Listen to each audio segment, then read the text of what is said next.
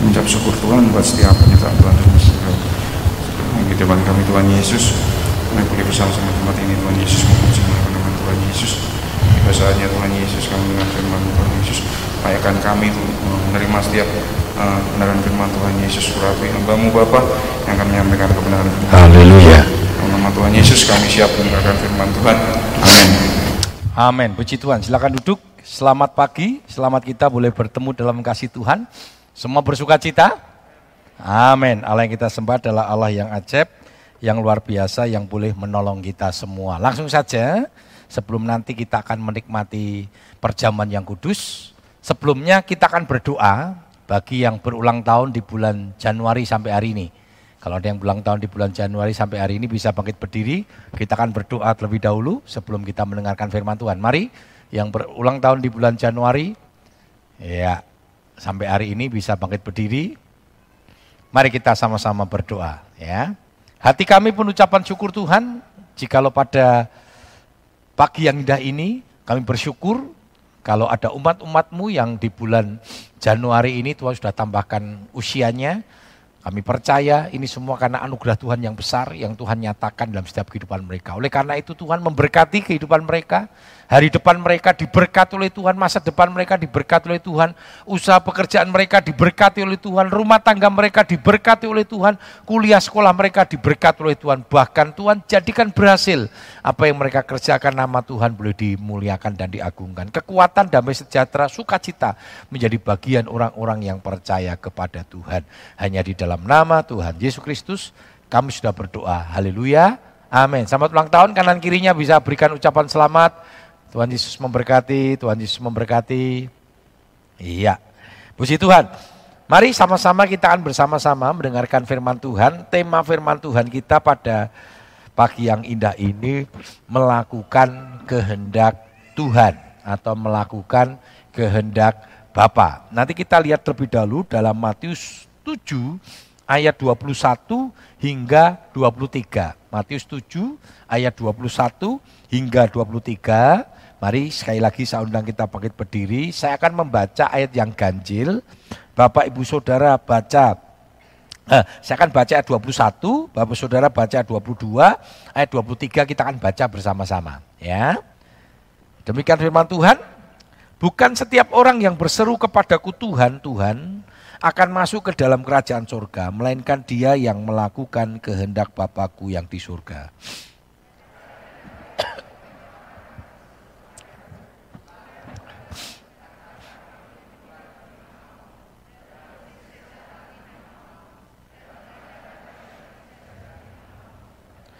Pada waktu itulah aku akan berterus terang kepada mereka dan berkata, aku tidak pernah mengenal kamu, enyahlah daripadaku kamu sekalian pembuat kejahatan. Puji Tuhan, silakan duduk. Matius 7, 21, 23 pernah saya sampaikan juga bahwa bukan orang yang berseru kepada Tuhan-Tuhan, yang masuk ke dalam kerajaan surga, tetapi yang melakukan kehendak Tuhan. Jadi orang yang masuk surga itu orang yang melakukan kehendak Tuhan. Lalu saudara mungkin bisa protes begini, loh katanya percaya kepada Tuhan syarat masuk surga. Betul, memang syarat masuk surga itu percaya, titik. Enggak ada yang lain. Lah ini kok ditambah melakukan kehendak Tuhan. Nah nanti dulu saudara, saya pernah sampaikan bahwa Yohanes 3:16 yang menjadi dasar sering kali kita menggampangkan bahwa masuk surga yang penting percaya mbak Gusti Yesus titik. Betul, memang itu tidak salah. Dan itu hanya itu persyaratannya. Tetapi kita harus tahu esensi dari Yohanes 3:16. Kata percaya itu maksudnya apa? Bukan menglamis. Percaya itu bukan hanya ngomong, tapi percaya dalam Yohanes 3:16 itu bicara tentang kelahiran baru. Apa itu kelahiran baru? yang lama sudah berlalu. Hidup yang lama sesuai dengan keinginan duniawi diganti dengan hidup yang baru. Hidup yang baru itu hidup sama seperti Kristus. Hidup sama seperti Kristus kita sudah dikasih contoh waktu Yesus mau menjalani jalan Via Dolorosa, jalan salib yang begitu menyulitkan. Dagingnya sempat terjadi konflik, Tapi akhirnya Tuhan Yesus memutuskan untuk melakukan kehendak Tuhan dengan berkata, bukan kehendakku yang jadi, melainkan kehendakmu yang jadi. Jadi orang yang percaya sama dengan orang yang melakukan kehendak Tuhan. Nah sekarang mari kita bedah bersama-sama uh, pagi yang indah ini melakukan kehendak Tuhan menurut Matius 7 ayat 21 hingga 23. Yang pertama apa saudara? Melakukan kehendak Allah berarti bukan sekedar pernyataan tetapi kenyataan. Jadi melakukan kehendak Allah itu bukan sekedar pernyataan tetapi kenyataan. Bukan sekedar ngomong. Banyak orang buat statement tetapi tidak bisa melakukan statementnya itu. Banyak orang gampang membuat sebuah pernyataan tetapi tidak pernah bisa mengaktualisasi dirinya sesuai dengan pernyataan yang dia lakukan. Ya, orang yang seperti ini namanya tidak punya integritas. Orang yang punya integritas antara pernyataan dan kenyataan itu klop. Itu sama. Coba kita lihat dulu di dalam ayat yang ke-21, Matius 7 21.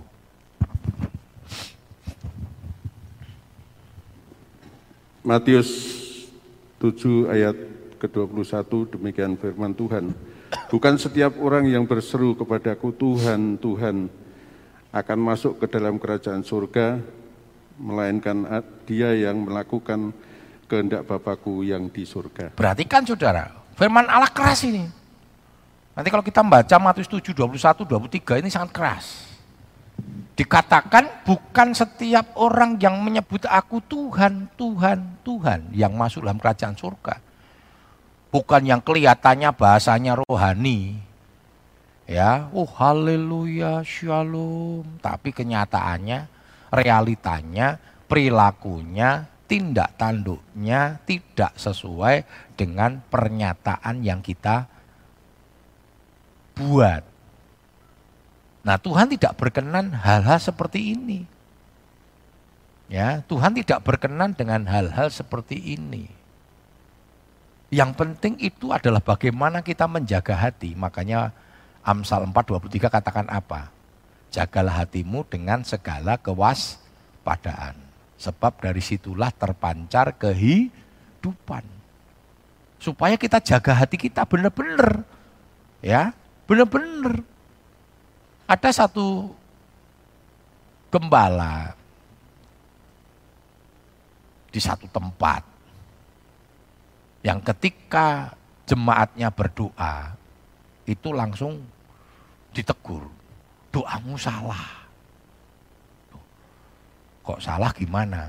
Kata-katanya nggak baik, nggak disusun dengan rapi. Loh saudara nggak penting saudara.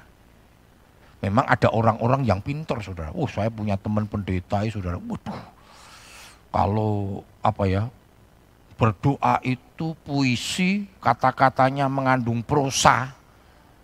Ya, prosa itu artinya gini, seperti puisi, saudara ya. Misalnya I, burine I gitu. Wah, luar biasa. Engkaulah pencipta langit dan bumi engkaulah Allah sejati. Meh sembayangnya muter mumet. Apalagi kalau doa makan sekolah kitab, wani sembayang koyo ngono saudara. Wah, kenteng-kenteng saudara. Kami sekolah kitab dulu, era saya waktu masuk angkatan 17 itu, dulu modelnya pakai piring plastik, lalu lauknya dikasih di situ saudara. Lalu saya usulkan untuk beli dari stand uh, aluminium waktu itu ya, yang model ceplok-ceplok sudah ya, persis nek neng makan di kapal, makan di narapidana sudah ya. Jadi ada nasi, ada lauk dan sebagainya. Saya beli di kota Solo sudah ya. Nah ada teman-teman nakal sudah. Jadi kalau kita makan bersama ya, kampus itu makan di ruang makan yang besar, lalu salah satu pimpin doa. Ada yang nakal saudara. Mas sembahyang mangan ini setengah jam engkaulah pencipta langit dan bumi, kalik semesta alam. Tidak mungkin bumi jadi kalau engkau tidak ciptakan. Apalagi kami manusia yang hina ini Tuhan. Bagaimana mungkin kami ada? Wah, langsung. Amin, amin, cepet luwe, amin, amin, lapar. Saudara. Bukan itu yang utamakan Tuhan. Doa itu bagaimana kita mengungkapkan isi hati kita. Enggak ada yang salah doa. Enggak ada yang salah.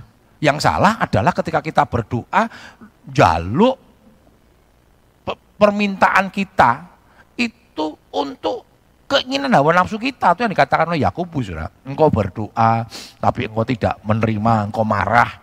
Karena yang kau minta itu untuk memuaskan hawa nafsumu. Tapi ketika kita berdoa dengan bahasa sangat sederhana Tuhan pasti tolong. Ada anak kecil yang diajarkan doa oleh orang tuanya kalau sebelum makan berdoa dengan bahasa yang sederhana ngajar ke anak-anak ojo, ojo jauh apa jangan panjang-panjang lah saudara. Anak baru usia tiga tahun oh sembahyang saya ya bapak kami yang di surga di kudus ya bisa saudara. Lama-lama ya bisa tapi berikan bahasa yang memang sederhana saja. Lah diajarkannya setiap kali makan berkatilah makanan ini. Dia tahu setiap kali makan mesti orang tuanya bilang, ayo sembahyang, Tuhan berkatilah makanan ini. Saya mau tidur, Tuhan saya mau tidur, jagai kami, amin, saudara. Wong cah cilik. Nah satu kali dia pas main-main di lapangan, saudara. Lapangan, lau tahu ada bant apa ada kebu sing ngamuk. Saudara. Wah lari mendekati dia. Wah dia lihat kaget lari nangis. Oh Tuhan berkati makanan ini, Tuhan berkati makanan ini. Saudara Nyelewang kebunnya saudara. Jadi kebunnya itu enggak nyelewang. Lah itu kira-kira Tuhan dengar enggak saudara? Tuhan tuh ngerti ojo sok kaya Gusti Yesus. Tuhan tuh ngerti hati kita. Amin. Amin. Jadi jangan ada pernah yang takut datang rayon, datang ini. Kenapa? Aku enggak disuruh doa. Kadang ada loh saudara, mesti pesen isi. Tante pesan Om Agus ya, selesai firman saya ojo kon doa yo. Nek kon deko doa aku rata teko rayon meneh. Lah saudara, wong kon sembayang ngomong mbek Gusti Yesus. Nek ngomong mbek Gusti Yesus isin. Padahal nek ngobrol ngecipris, saudara, nek mbek Gusti Yesus pekewu saudara. Sudah ungkapkan isi hatimu, amin. Amin. Jadi enggak ada yang salah dalam doa. Yang penting doa itu tulus, kita sampaikan kepada Tuhan. Doa yang salah hanya dikatakan Alkitab adalah doa yang minta kepada Tuhan untuk kepentingan hawa nafsu kita. Ya itu salah saudara, Yakubus. Orang dipenuhi marah saudara. Nah karena itu, itu yang paling penting sudah dikatakan tadi. Melakukan kehendak Allah itu antara pernyataan dan kenyataan. Ya, itu harus klop. Kita sebagai anak-anak Tuhan harus hidup sesuai dengan pernyataan firman Tuhan. Dan kenyataan kita ya hidup sesuai dengan pernyataan firman Tuhan. Nah saudara, karena itu Tuhan sangat, sangat tidak senang saudara.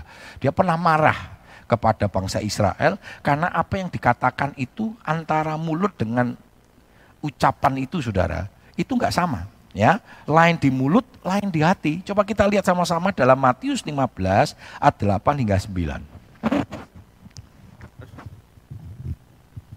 Matius 15 ayat 8 dan 9 demikian firman Tuhan. Bangsa ini memuliakan aku dengan bibirnya, padahal hatinya jauh daripadaku.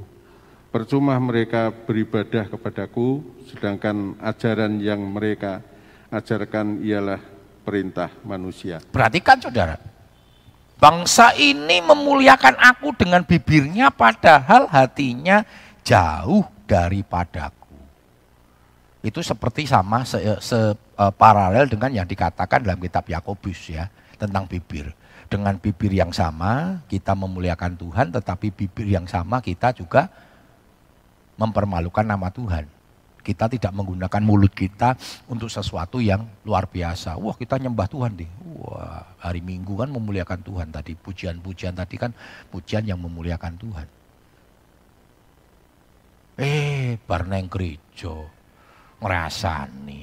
Pah gitu loh ono kayak apa? Rambutnya kayak apa? Wih ora pantes. Mosok rambut hijau di kuning kaya pelangi. Ya wis apa sudah sudah ndak usah ini. Ya mulai neng gereja nek ora neng gereja ndeloki kabeh engko sisuk begitu sampai rumah ngrasani ora baik gembalane yang diinget-inget ngrasani. Nah itu sama saja dikatakan tadi. Dengan mulut yang sama kita memuliakan Tuhan, tetapi dengan mulut yang sama kita mempermalukan nama Tuhan. Karena itu harus kita jaga, sudah. Memang hati-hati. Maka firman Tuhan ada pujian ya.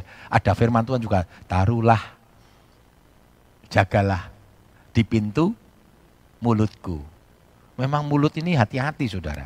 Kalau ndak hati-hati, saudara, waduh, ibu-ibu arisan, kudune kan arisan bicara tentang memajukan bagaimana orang rasani. Ya toh? Hari, hari apa PKK ya PKK Wah, ngerasani. Arisan ya gitu sudah kumpul ngopi ya isine mengrasani kae.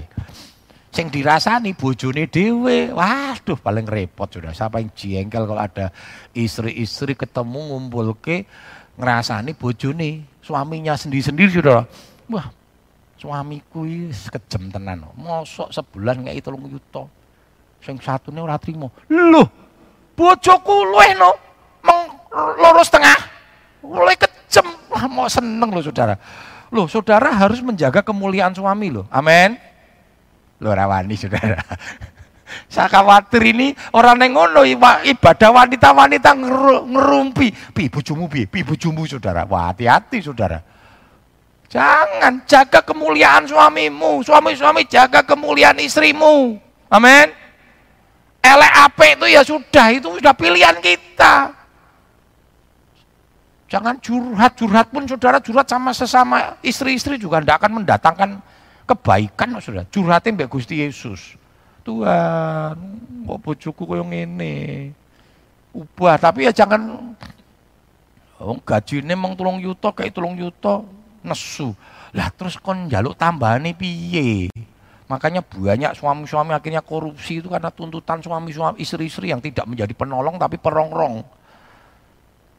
Ya suami ini bangga ya, Jess. Om lo suami karena om laki-laki katanya. Yo ya padha wae.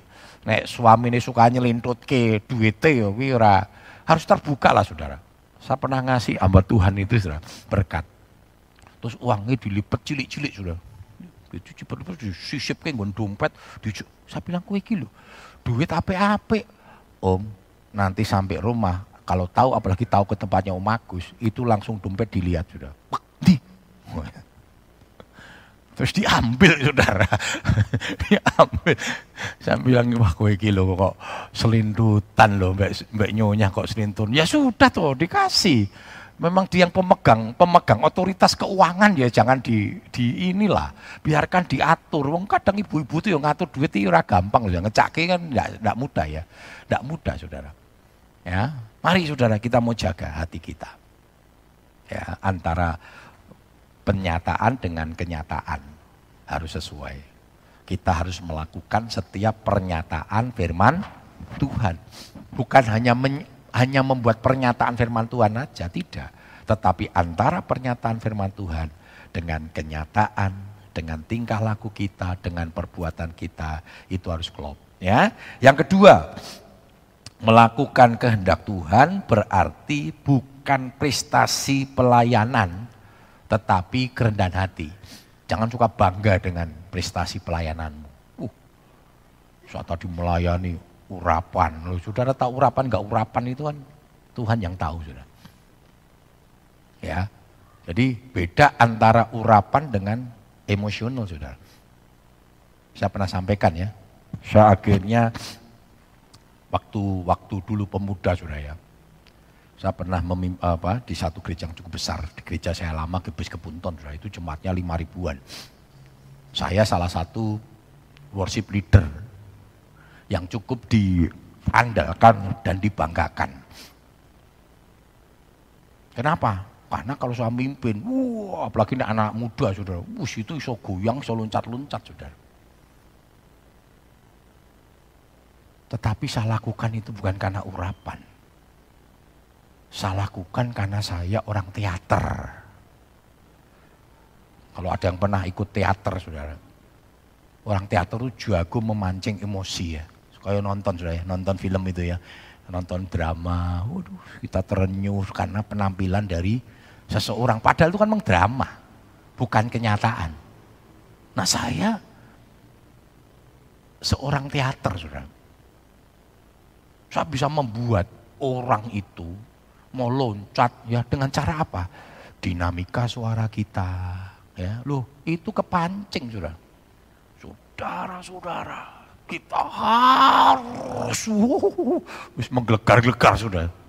Apalagi cah nom, wah gampang banget saudara. Wah, kita berikan yang terbaik itu Tuhan. Aman, amin. Keras lagi, aman, amin. Makanya baru gerak apa?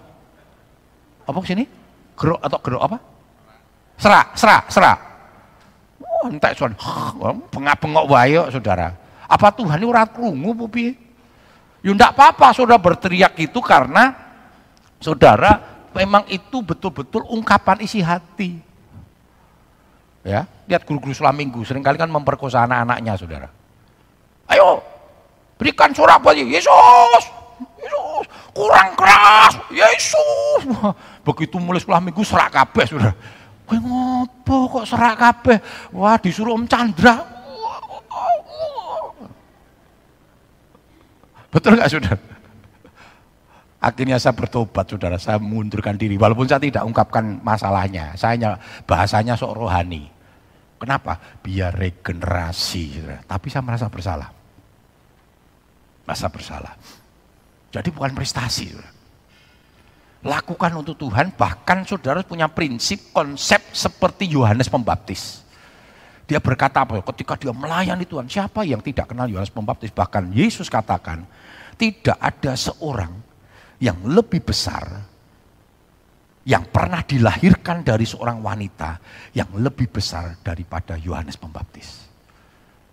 Kenapa? Dia rendah hati dan dia dimuliakan. Dia dimuliakan. Bahkan dia berkata begini, biar Yesus semakin bertambah, ku harus semakin ber, berkurang. Dalam pelayanan kita, yang harus dimuliakan, yang harus diagungkan adalah nama Yesus, bukan nama kita.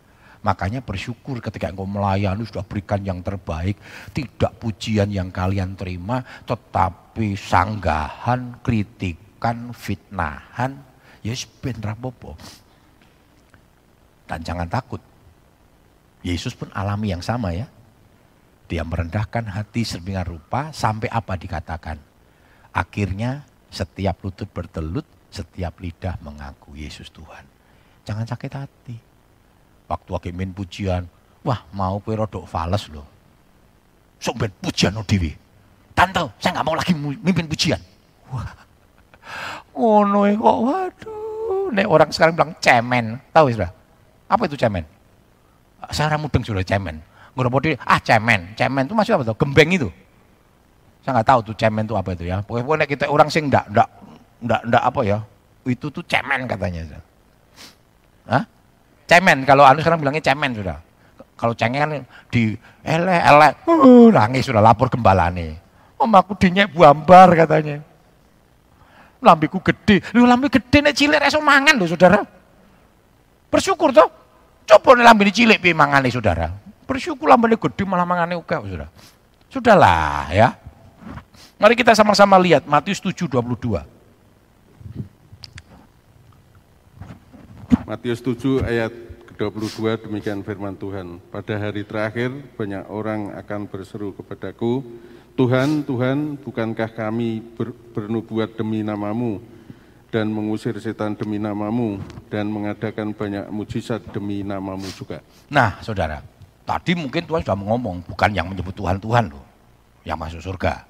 Bukan hanya pernyataan loh, yang penting kenyataan loh.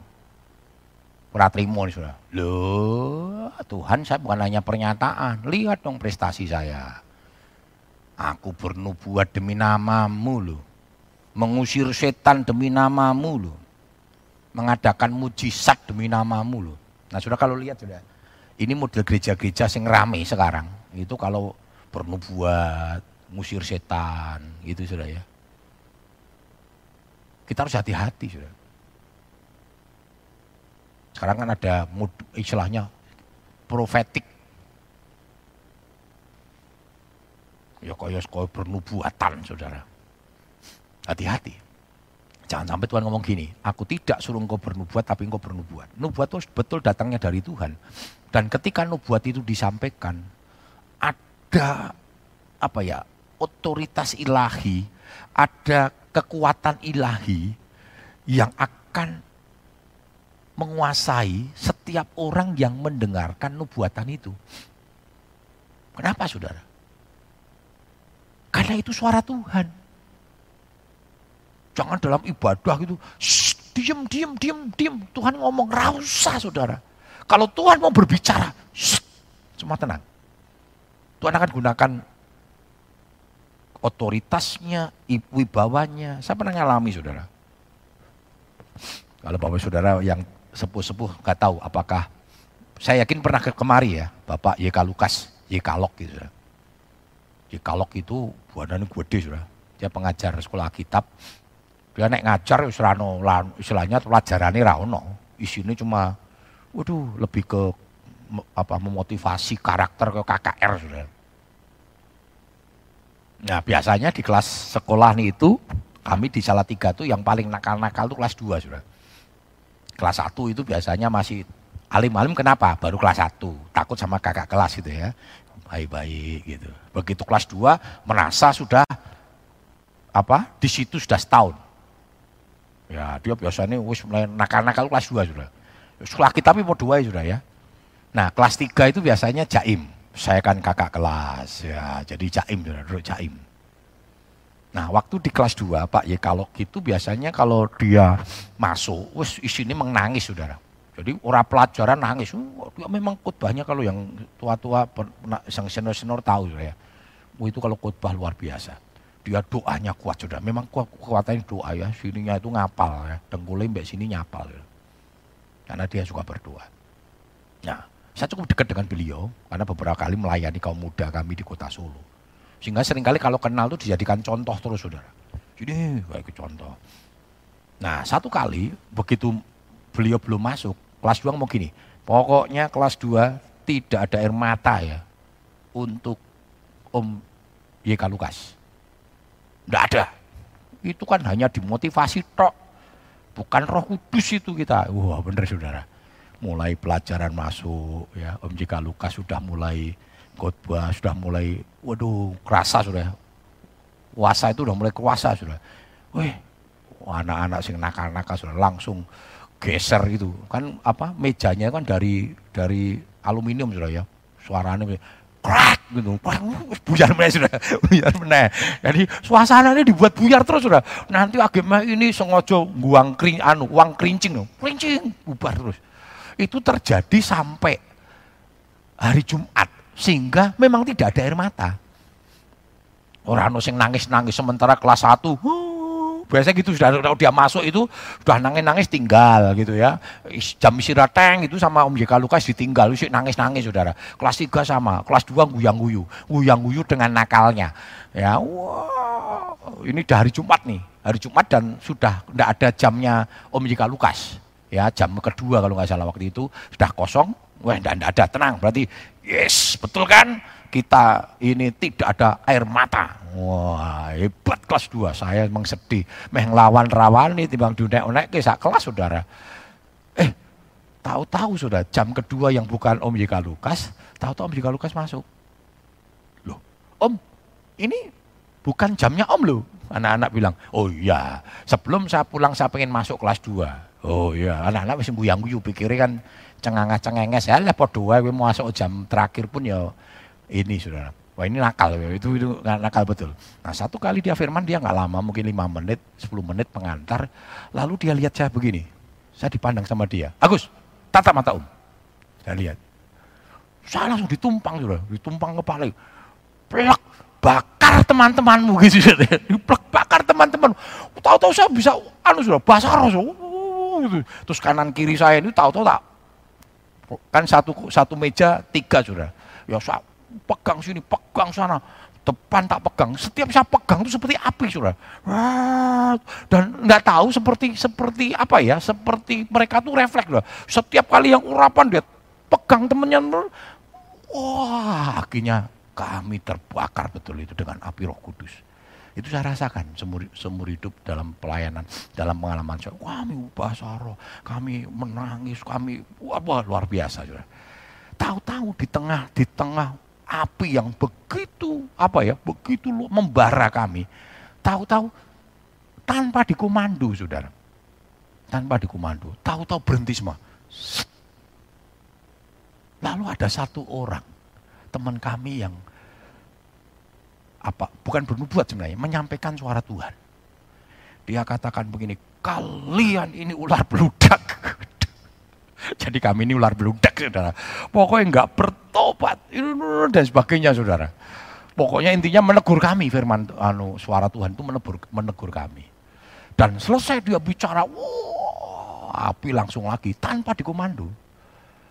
Sama Om Jika Lukas ditinggal lungo. Sudah dia pulang. Sementara pulang kita masih nangis. Begitu akhirnya selesai semua salah-salahan. Kalian sih Kalian sih, kalian sih saya bilang begini sudahlah. Wis bertobat lah. Kalian itu kelas 2 hamba Tuhan, nanti calon hamba Tuhan bertobat toh. Tuhan kasih pengalaman saya bilang. Makanya jangan sok. Jangan melawan kehendak Tuhan. Nah saudara, kalau Tuhan mau ngomong saudara, ya, kalau Tuhan mau bernubuat, nggak usah saudara, diem, diem, diem, diem. Tuhan mau ngomong, dia akan gunakan wibawanya ilahi. Kita akan ada dalam kuasa ilahi saudara. Nah saudara kita rindu kita merasakan itu. Dan saya beberapa kali mengalami pengalaman-pengalaman bersama dengan Tuhan. Karena itu betul-betul jangan dengan kesombongan. Bahkan ketika engkau dipakai oleh Tuhan, jangan sombong. Ya, semua karena anugerahnya diberikan kepada kita. Semua anugerahnya bagi kita. Nah, sudah tahulah Saudara kita mari, ya, bukan prestasi yang menjadi kekuatan kita. Saudara, karena itu kita harus belajar rendah hati kepada Yesus. Matius 11, 29. Yesus itu rendah hati, saudara. Matius 11 ayat 29, demikian firman Tuhan. Pikulah ku yang kupasang dan belajarlah padaku, karena aku lemah lembut dan rendah hati, dan jiwamu akan mendapat ketenangan. Perhatikan saudara, Yesus itu rendah hati saudara. Saya tidak tahu ketika dibalik ya, keberadaan Tuhan Yesus itu diberikan sama kita. Artinya kita punya otoritas, kuasa. Dan kuasa itu sama seperti Allah. Kira-kira sudah bisa rendah hati enggak ya?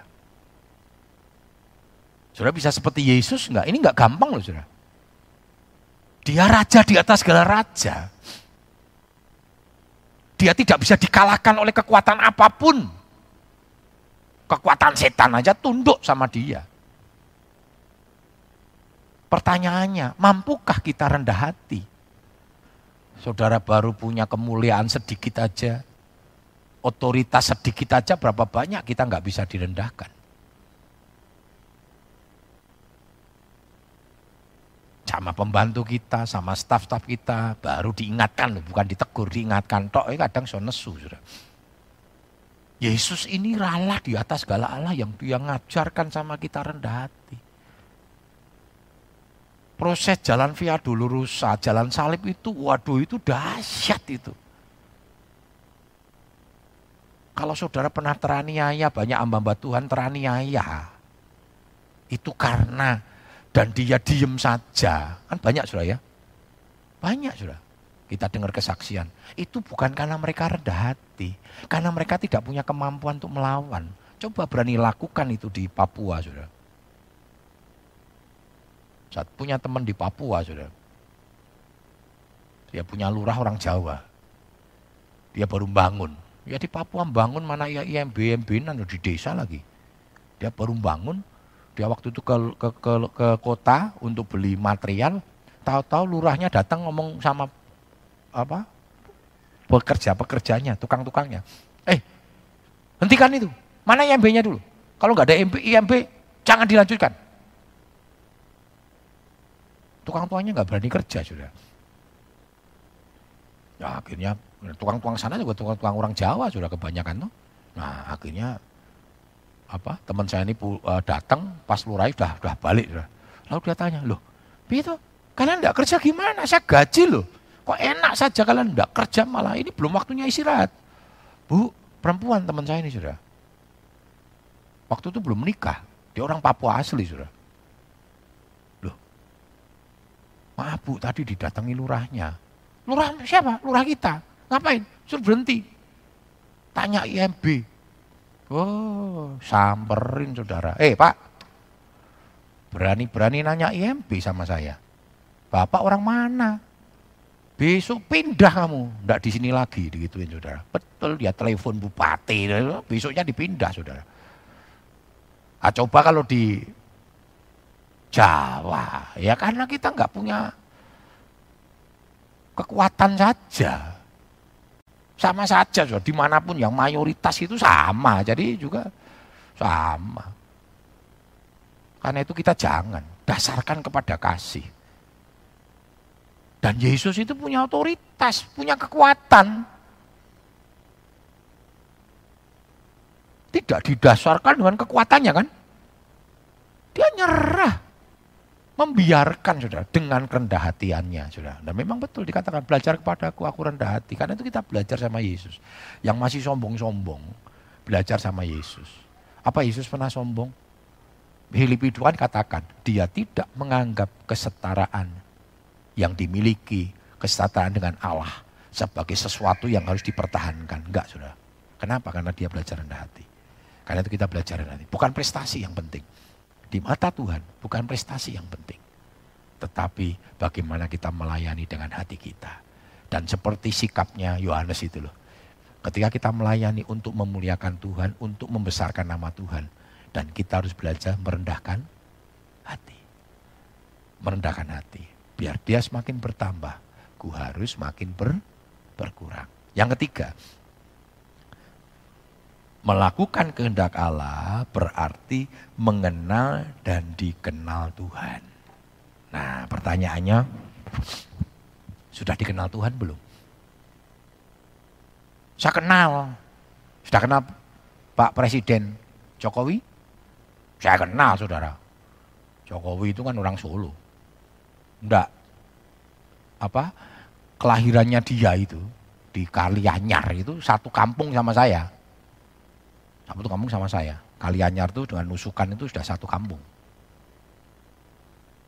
Bahkan ketika dia jadi wali kota berkunjung ke kampung kami. Kami pernah mengajukan blok grand sama beliau dan beliau turun. Pertanyaannya, kenalkah Jokowi sama Timotius Agus ora kenal. Lali, paling kan gini, Pak ingat enggak Pak? Waktu Bapak wali kota dulu, Pak kenal saya. Sopo yo kuwi? Ah, waktu Bapak jadi wali kota, pernah berkunjung ke daerah kandang sapi, Pak. Ingat enggak, Pak? Sing moto saya loh, Pak. Oh, dia lali kandang sapi ya. Oh iya, wong saya ki datangi namanya wali kota hampir 10 tahun datangi kampung-kampung dan sudah sering toh Salah satu kampung pun ya sok lali saudara, betul nggak? Iya, ya pernah ada. Saya pernah datang ke satu pelayanan, ada yang ngomong gini, Om pernah melayani di sini loh. Oh, iya, iya. Kapan yuk? Tahun sekian, dia apa loh? Waktu itu hari ini tanggal sekian, waktu itu ibadah Natal jam sekian. Saya, iya, iya, saya pernah ya. pernah. Karena banyak banyak pelayanan tuh. Nah sama, oh josok aku aku kenal Mbak Gusti Yesus. Gusti ora kenal, Repot saudara. Coba kita baca dulu dalam Matius 7, 23. Matius 7 ayat 23 demikian firman Tuhan. Pada waktu itulah aku akan berterus terang kepada mereka dan berkata, Aku tidak pernah mengenal kamu, nyahlah daripadaku, kamu sekalian pembuat kejahatan. Nah, perhatikan saudara. Tadi yang menyebut nama Tuhan, Tuhan hanya pernyataan tok yang punya prestasi, kelihatannya bangga dia, wes pasti aku neneng surga VIP. Kamarku suite, presiden suite mungkin gitu sudah. Mana pelayananku hebat ini. Nek aku melayani, waduh luar biasa. Nek WL hebat. Nek khotbah banyak yang nangis altar kok maju kabeh. Bukan itu sudah. Makanya hati-hati, ketika engkau dipakai Tuhan tuh hati-hati saudara. Makanya banyak orang yang ketika dipakai Tuhan jatuh kan, sombong. Seperti ini bukan Nesar, ketika berhasil sombong. Tutup Mbak Gusti Yesus, kelenger saudara. Karena jangan sombong. Andi kata toh engkau diberkati oleh Tuhan, dipakai oleh Tuhan. Terus rendahkan hatimu, muliakan Tuhan supaya pelayananmu itu hanya untuk kemuliaan Tuhan, bukan untuk pribadimu. Kenapa saudara? Orang-orang yang model tadi hanya pernyataan, hanya prestasi, tanpa kerendahan hati, pernyataan tanpa kenyataan. Tuhan ngomong apa? Aku ora kenal. Aku akan berterus terang kepada mereka dan berkata, aku tidak pernah, tidak pernah sudah mengenal kamu. Bahkan diusir ya. Enya, lungo gue. Wah, Tian saudara.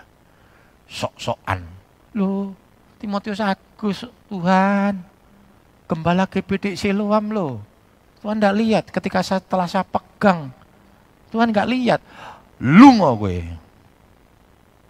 pergi. Sudah mau sodorkan berbagai macam prestasi. Tuhan katakan pergi. Karena bukan itu yang Tuhan mau. Bahkan dikatakan kamu pembuat kejahatan. Kenapa? Curi kemuliaan Tuhan. Itu jahat. Ketika kau sombong, itu jahat. Ketika engkau hanya ngomong tetapi tidak pernah melakukan firman, hanya ngomong firman tetapi tidak pernah melakukan firman, itu jahat. Dan Tuhan katakan, enyah. Mari kita mau jaga hati kita. Sudah saudara yang penting rendah hati, nggak usah sombong, bukan prestasi. Ya, banyak orang yang betul-betul mungkin dia nggak bisa nyanyi, isone mong sembayang kanggo gembalane, sembahyang buat pelayanan pekerjaan Tuhan di tempat ini. Itu mulia di hadapan Tuhan. Itu mulia di hadapan Tuhan. Ya, saudara memiliki kerinduan mengenal Tuhan Yesus lebih dalam. Filipi 3 ayat 10 hingga 11. Filipi 3 ayat 10 dan 11 demikian firman Tuhan. Yang ku kehendaki ialah mengenal dia dan kuasa kebangkitannya dan persekutuan dalam penderitaannya, di mana aku menjadi serupa dengan dia dalam kematiannya, supaya aku akhirnya beroleh kebangkitan dari antara orang mati. Ya, ini keinginan kita. Ini kerinduan kita, seperti Paulus berkata, yang ku kehendaki mengenal Tuhan Semakin kau mengenal Tuhan, semakin indah. Makanya ada firman Tuhan yang mengkisahkan tentang seorang tuan yang memiliki beberapa hamba. Ada yang kerja dari jam 6 pagi, ada yang kerja dari jam 9, ada yang kerja dari jam 12, bahkan ada yang kerja dari jam 3 sore yang sebentar lagi sudah surup sudah, kerjanya nggak panjang. Tapi Alkitab katakan apa? Gaji ini bodoh. Lalu mungkin kita berkata, Tuhan nggak adil, itulah keadilan Tuhan. Semua masuk surga, sudah. Tapi bedanya apa, sudah? Beda nggak? Beda. Yang jam 6 pagi dengan jam 3 sore bedanya apa? Dia tidak punya pengalaman bersama dengan Tuhan yang begitu panjang. Dan pengalaman mengenal Yesus itu lebih indah Makanya Eyang, salah satu Eyang kami menangkan usia 85 tahun, dia ikut ibadah remaja, pemuda, wanita, bahkan melu sudah. Padahal yang yang kakung ikut wanita, sampai yang wanita bingung sudah ya. Om, bagus, Eyang itu loh. Ibadah wanita melu, saya saja hanya ngiringi tok sudah, main keyboard ngiringi, firman saya keluar. Karena ada, kadang ibadah belah wanita kan membahas hal-hal kewanitaan. Nah, saya keluar sudah ini eyangnya melu ngoke saya sempat ngomong eyang kenapa kok eyang melu? Pak Agus saya ini kenal Tuhan 85 tahun. Saya ngutang firman selama 85 tahun. Saya mau bayar hutang firman saya. Dan akhirnya dikasih kesempatan 2 tahun. 87 dia meninggal. Lalu dia ngomong begini Pak Agus dia orang seniman saudara. Dia salah satu pelopor di tempat itu membuat grup ketoprak. Dan saya sebenarnya mau lanjutkan itu. Belum sempat terjadi saya jadi gembala di tempat ini dia ngomong begini, Pak Agus kalau saya kenal sejak muda, waduh saya akan layani Tuhan. Saya akan pimpin pujian, saya akan buat ketoprak rohani. Sayang, usia saya 85 tahun, dia mungkin sudah jam 5 sore. Delok meneh surup, waktunya pendek. Tapi dia masih gunakan kesempatan itu karena dia merasakan ternyata mencintai Tuhan punya pengalaman pribadi yang luar biasa. Walaupun 85 tahun. Bagaimana kalau saya kenal Tuhan sejak usia 15 tahun? Yang jam 6 pagi. Jadi kita punya pengalaman dengan Tuhan. Karena itu jangan sampai sudah perjalanan hidup kita ini kita sering kali apa ya ninggal ke Tuhan balik meneh, ninggal ke Tuhan balik meneh. Nah saudara tidak akan pernah punya pengalaman-pengalaman yang indah bersama dengan Tuhan. Sejak dari remaja, saya cinta Tuhan. Saya tidak pernah kendalkan, tinggalkan Tuhan. Mungkin pernah mengalami kecewa dengan Tuhan. Itu hanya beberapa waktu. Saya kembali lagi sama Tuhan. Dan saya merasakan pengalaman bersama dengan Tuhan indah. Dan terlebih dari itu, goalnya apa saudara? Hidup serupa dengan Tuhan. Di hadapan kita ada perjamuan yang kudus. Karena kerendahan hatinya. Karena bukan sekedar pernyataan Kenyataan dia berikan hidupnya untuk Tuhan. Bahkan untuk kita manusia, dia mati. Ketika dia berkata bukan kehendakku Tuhan, tetapi kehendak. Berapa banyak kita marah ketika kehendak, kehendak kita tidak terjadi. Kehendak Tuhan dinyatakan dalam hidup kita. Berapa banyak kita marah lalu mengatakan Tuhan itu enggak adil, Tuhan itu jahat. Padahal Tuhan tidak pernah jahat untuk hidupmu. Setiap kenyataan dari rancangan Tuhan yang diberikan dalam hidupmu, itu semua untuk kebaikan kita. Mari kita siapkan hati kita sebentar, kita akan bersatu dengan pelayanan perjamuan kudus. Kita siapkan hati kita. Mari kita bangkit berdiri bersama-sama. Kita mau pujikan hidupku menggenapi firmanmu.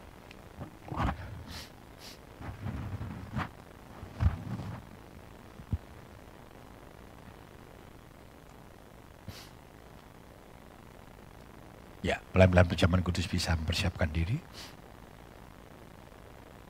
Terima kasih Tuhan.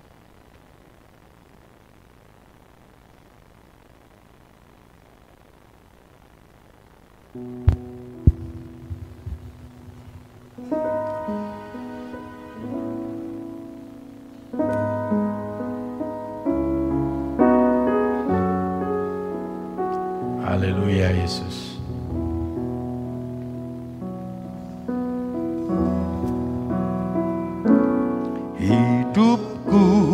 menggenapi firmanmu Tanda mujizat sertai tiap langkahku. Biarkan pernyataan firmanmu bersama Itu menjadi kenyataan hidup kami. Kami menjadi pelaku-pelaku firman Tuhan. Hidupku menggenapi firmanmu Bukan prestasi pelayanan yang kami cari. Sehingga banyak orang memuji kami. Tetapi bagaimana kami belajar merendahkan hati. Supaya setiap pelayanan kami boleh mempermuliakan nama Tuhan. Kami belajar seperti Yesus yang merendahkan hati di hadapan.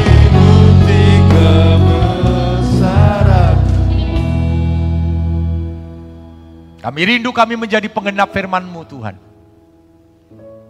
Karena Engkau sudah menyatakan kasih-Mu.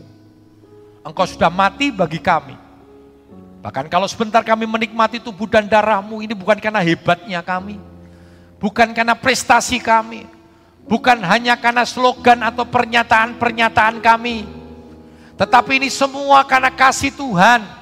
Di mana engkau mau merendahkan hati, melewati jalan Via Dolorosa, mati di kayu salib supaya menebus setiap dosa kami. Kami dibenarkan di dalam Tuhan. Kami benar bukan karena, kami benar, kami benar karena Tuhan membenarkan kami. Karena itu layakan kami itu menerima tubuh dan darahmu Tuhan. Kuduskan sucikan umat-umatmu. Sehingga perjamuan yang kudus ini boleh menjadi berkat bagi kami sekalian. Sucikan dan kuduskan kami pelayan-pelayanmu sehingga pelayanan kami boleh berkenan di hadapan Tuhan. Kami akan menikmati perjamuan yang kudus. Hanya di dalam satu nama, yaitu di dalam nama Tuhan Yesus Kristus kami sudah berdoa. Haleluya. Amin. Puji Tuhan, silakan duduk. Hidupku menggenapi firman-Mu.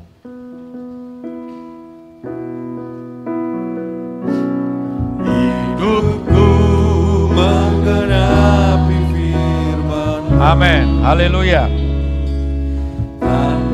Mujizat sertai tiap langkahku Kau bersama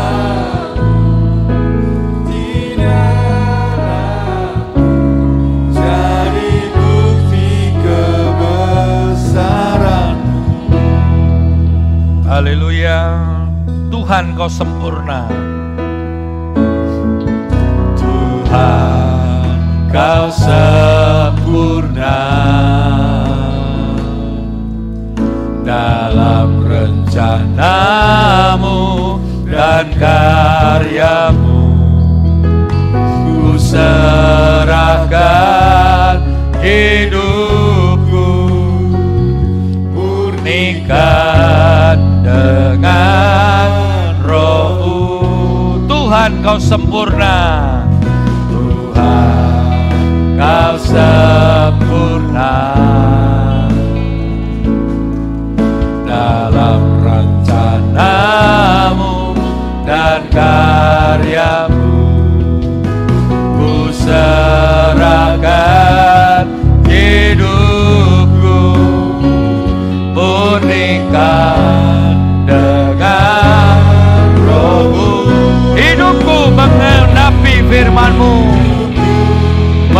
mengenapi firmanmu Amin. Tanda mujizat sertai tiap langkahku Kau bersamaku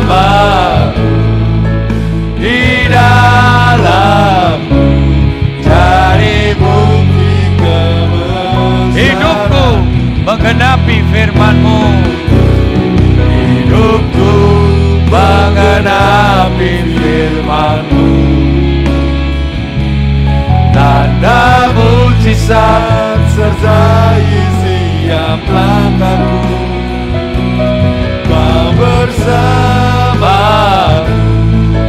di dalamku Bagai bukti kebesaran Tuhan kau sempurna.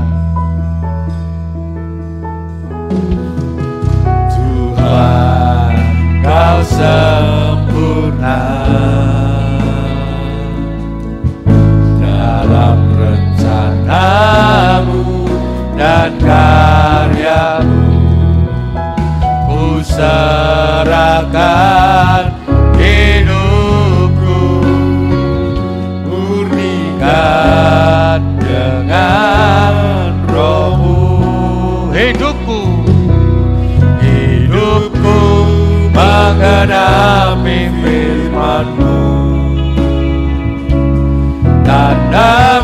mujizat sertai tiap langkahku. Kau bersamaku di dalamku. Jadi bukti kebesaranmu Ada yang belum dilayani dengan berjaman kudus bisa angkat tangan? Sudah semua mari kita bangkit berdiri, kita siapkan hati kita untuk menerima tubuh dan darahnya. Hidupku mengenapi firman.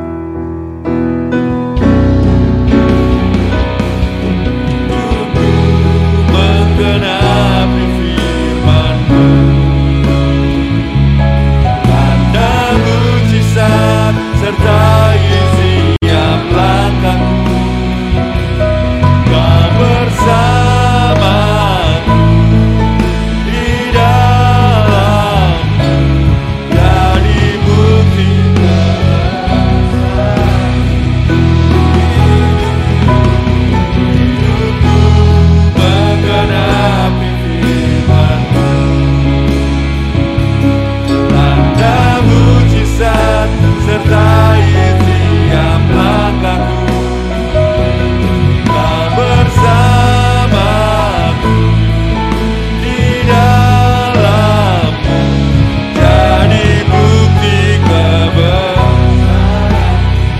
Jadi bukti kebesaranmu. Jadi bukti kebesaran. Jadi bukti kebesaranmu. Jadi bukti kebesaranmu Mari kita mau angkat roti kita, kita mau dengarkan firman Tuhan, kita mau siapkan hati kita. Sebab apa yang telah kuteruskan kepadamu, telah aku terima dari Tuhan dan bahwa Tuhan Yesus pada malam waktu ia diserahkan mengambil roti dan sesudah itu ia mengucap syukur atasnya. Ia memecah-mecahkannya dan berkata, inilah tubuhku yang diserahkan bagi kamu. Perbuatlah ini menjadi peringatan akan aku. Roti ini lambang tubuh Kristus yang sudah diserahkan bagi kita yang boleh menyucikan dan menebus dosa kita. Mari kita makan dengan iman kita di dalam nama Tuhan Yesus Kristus. Makanlah.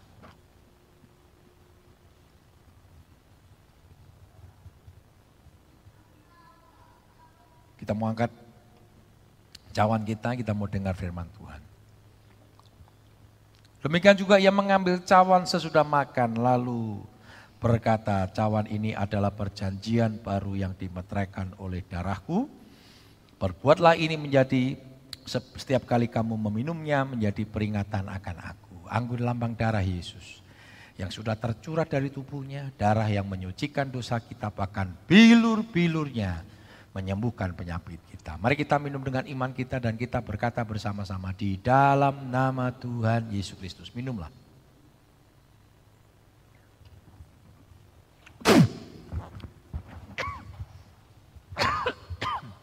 Haleluya. Haleluya, haleluya, haleluya. Haleluya. Mari kita mengucap syukur kepada Tuhan. Haleluya. Haleluya. Haleluya, haleluya. Terima kasih Tuhan. Haleluya. Mari kita mengucap syukur untuk kebaikan Tuhan. Ajaib. Engkau baik Tuhan. Kami mengucap syukur.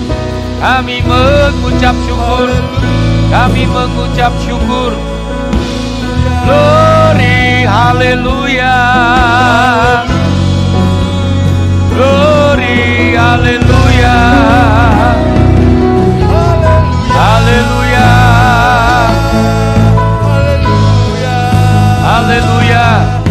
Haleluya. Amin. Haleluya.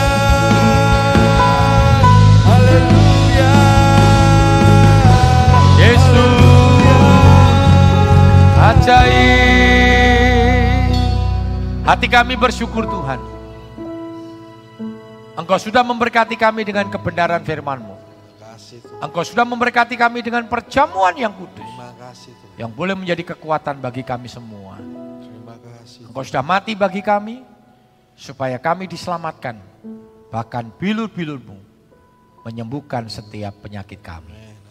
Kami bersyukur Tuhan sudah memberkati kami semua. Kami percaya setiap kami diberkati oleh Tuhan. Hanya di dalam nama Tuhan Yesus Kristus kami sudah berkut. Haleluya. Amin.